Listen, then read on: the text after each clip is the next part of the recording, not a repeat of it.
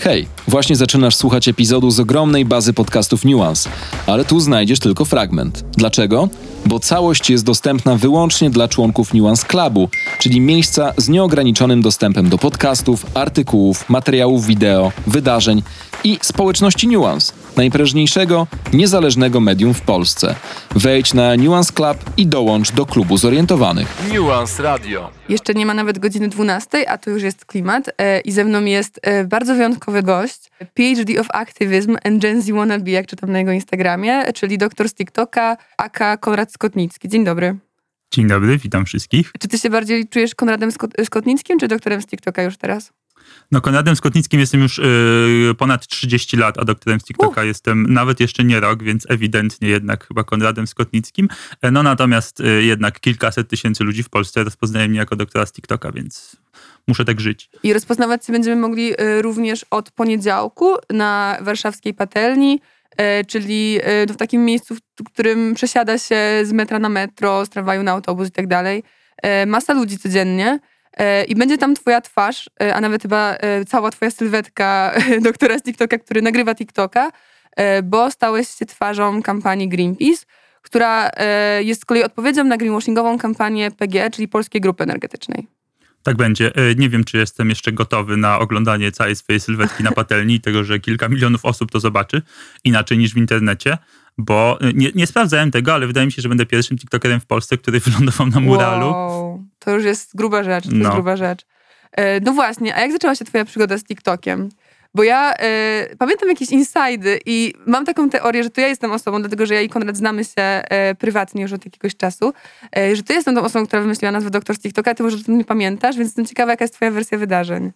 Y, Moja wersja wydarzeń jest taka, że ja w ogóle interesuję się nauką od zawsze, zresztą jestem naukowcem i popularyzacją nauki też jakoś się interesowałem, ale jakoś nigdy się nie przebiłem w żadnym medium społecznościowym, też nie próbowałem jakoś super. Natomiast y, no, to z TikTokiem zacząłem pewnie tak jak wszyscy, była pandemia, y, wszyscy wchodzili na tą apkę i patrzyli jak ab- absurdalnie dobry jest ten algorytm, jak dobrze dobiera rzeczy do, do naszych zainteresowań. Ja stwierdziłem, hm, może to jest miejsce, żebym ja był tam twórcą. I zacząłem w ogóle nie od popularyzacji nauki, tylko zacząłem od y, jakichś takich politycznych wrzutek y, i śmiania się z Leszka Balcerowicza tam i takich różnych, i śmiania się z Zodiaków.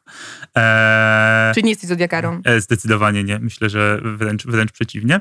Natomiast to tak nie, nie, nie żarło jakoś specjalnie. E, I pamiętam pierwszy TikTok naukowy, jaki wrzuciłem, to był TikTok o tym, że fizycy odkryli jakąś nową cząstkę, która nie pasuje do równań fizycznych i że trzeba wymyślić w ogóle, gdzie jest jej miejsce w całej fizyce.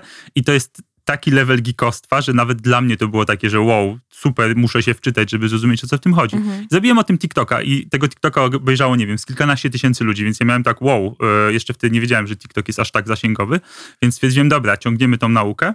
I potem zrobiłem em, moja taka pierwsza seria, która się wybiła, to seria o kolorach oczu i o tym, dlaczego ludzie mają oczy niebieskie, zielone albo inne kolory.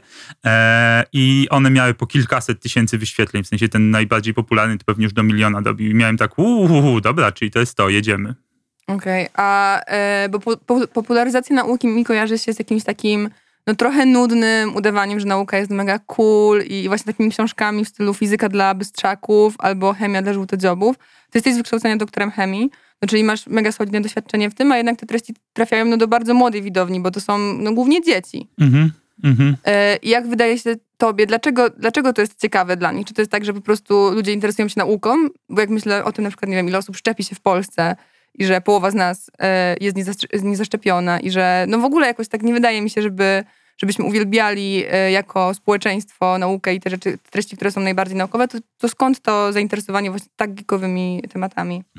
Ja mam tak, że mnie osobiście e, dużo rzeczy nudzi. To znaczy, jeżeli coś jest opowiadane nieciekawie, to ja od razu usypiam. Nieważne, jak to jest istotna sprawa. Mam tak na przykład z, firma, e, z filmami dokumentalnymi o przyrodzie albo takimi aktywistycznymi, które opowiadają, że coś tam trzeba ratować. One mnie po prostu usypiają w 15 minut, większość z nich. Więc zawsze tak miałem, że ja mu, jeżeli chcę coś oglądać, to musi być ciekawe, żeby mnie zainteresowało, bo jak nie, to po prostu przestaję to robić. Przestaję czytać książkę, przestaję oglądać film. Więc y, jakoś tak wewnętrznie miałem, że rzeczy, które opowiadam, chcę, żeby były ciekawe. No ja zawsze znajduję taki link, bo nauka jest super ciekawa, jeżeli się ją naprawdę zrozumie. E, poza tym nauka otacza nas wszędzie, w sensie te mikrofony, te, ten stół, wszystko, co tutaj mamy, wszystko, nasze buty i ubrania były kiedyś w badaniach naukowych, to znaczy ktoś musiał badać je i wymyślać i tworzyć. To jest super ciekawe. E, no i można opowiadać o nauce w super nudny sposób, na przykład mówiąc, że oczy są niebieskie dlatego, że wchodzić tam w jakąś głęboką fizykę, spektrum promieniowania, bla, bla, bla, bla. A można powiedzieć, że są fascynujące, ponieważ nie mają w sobie barwnika, nie mają w sobie żadnej farbki niebieskiej, tylko po prostu są tak zbudowane, że pochłaniają wszystkie kolory ze słońca, oprócz niebieskiego, które odbijają. I to już jest ciekawe. Mhm. E, więc ja zawsze próbuję znaleźć takie coś, coś super ciekawego w tym wszystkim e, i o tym opowiadam.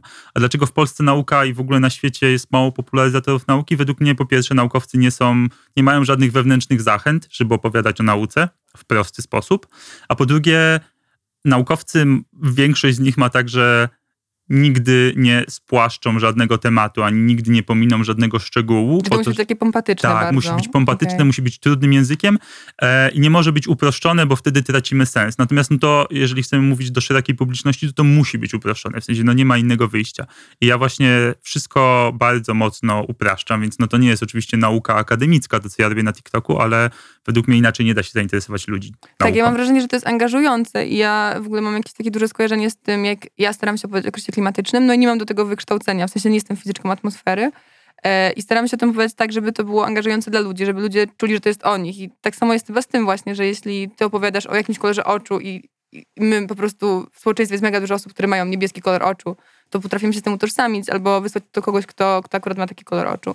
I wydaje mi się, że to jest w ogóle mega ciekawe, bo e, to jest takie podejście, które e, no właśnie ma w sobie dużo dystansu i takiego wyluzowania się. E, I jak myślę sobie o tym, że gdybyśmy wszyscy, o wszystkich ważnych rzeczach opowiadali w taki sposób, no to byłoby super. I, I trochę polityka tak robi, że politycy i polityczki bardzo pracują nad tym, żeby w sposób bardzo spłycony i taki ogólny i okrągłymi słowami opowiadać o rzeczach, które się dzieją. Często używają takich, wiesz, mocnych punchline'ów, y, których potem my się uczymy, żeby móc opowiadać o kryzysie klimatycznym.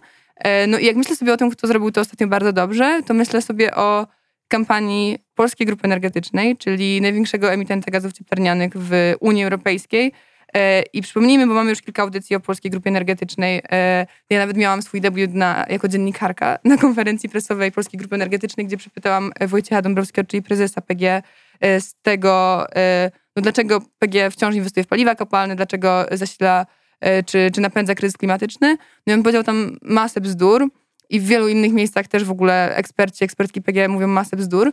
E, które no, są tak otwarcie denialistyczne w stosunku do kryzysu klimatycznego. I oni zrobili coś świetnego, czyli coś świetnego z punktu widzenia marketingu, ale nie coś świetnego z punktu widzenia e, prawdy i nauki. E, czyli stworzyli kampanię, w której mimo tego, że właśnie emitują najwięcej dwutlenku węgla w Unii Europejskiej, mimo tego, że są właścicielem Bohatowa i robią masę złych rzeczy, mimo tego, że chcą inwestować w gaz, który też jest kolejnym paliwem kopalnym, zrobili kampanię, w której opowiadają o tym, że prowadzą w zielonej zmianie i e, promują tą kampanię słodkimi zwierzaczkami. E, no i na ich nieszczęście wchodzi Greenpeace i Greenpeace na pokład bierze ciebie, czyli doktora z TikToka. No i co się dzieje? Jak wy odpowiadacie? O co chodzi w tej kampanii, którą teraz prowadzicie, którą też możecie zobaczyć na ulicach Warszawy, czy właśnie będziecie mogli zobaczyć z twarzą doktora TikToka na warszawskiej patelni?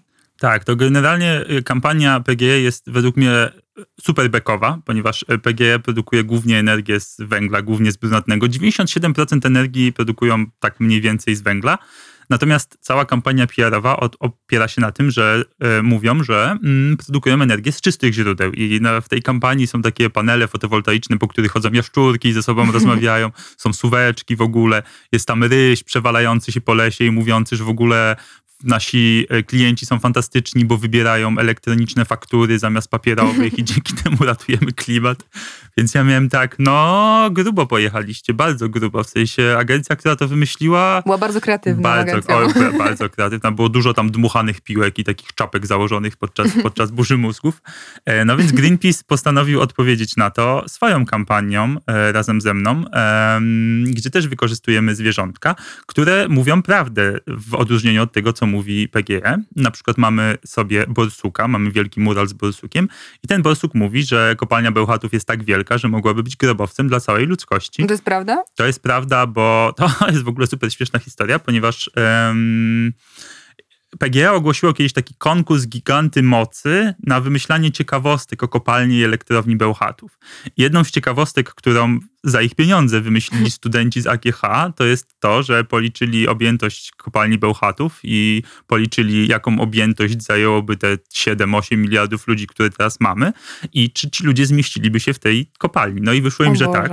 Ja, ja to W teraz... sensie ci martwi ludzie. Ci martwi ludzie. Znaczy, no żywi też, ale... Czyli tak- dosłownie e, kopalnia Bełchatów jest grobowcem dla całej ludzkości. Dzięki za wysłuchanie bezpłatnej części tego podcastu. Jeśli masz ochotę na więcej, dołącz do Nuance Clubu, klubu zorientowanych i spędzaj mniej czasu na słuchaniu takich komunikatów, a więcej na słuchaniu pełnych treści. Sprawdź, co dla Ciebie przygotowaliśmy i rób razem z nami niezależne, rzetelne i pasjonujące media.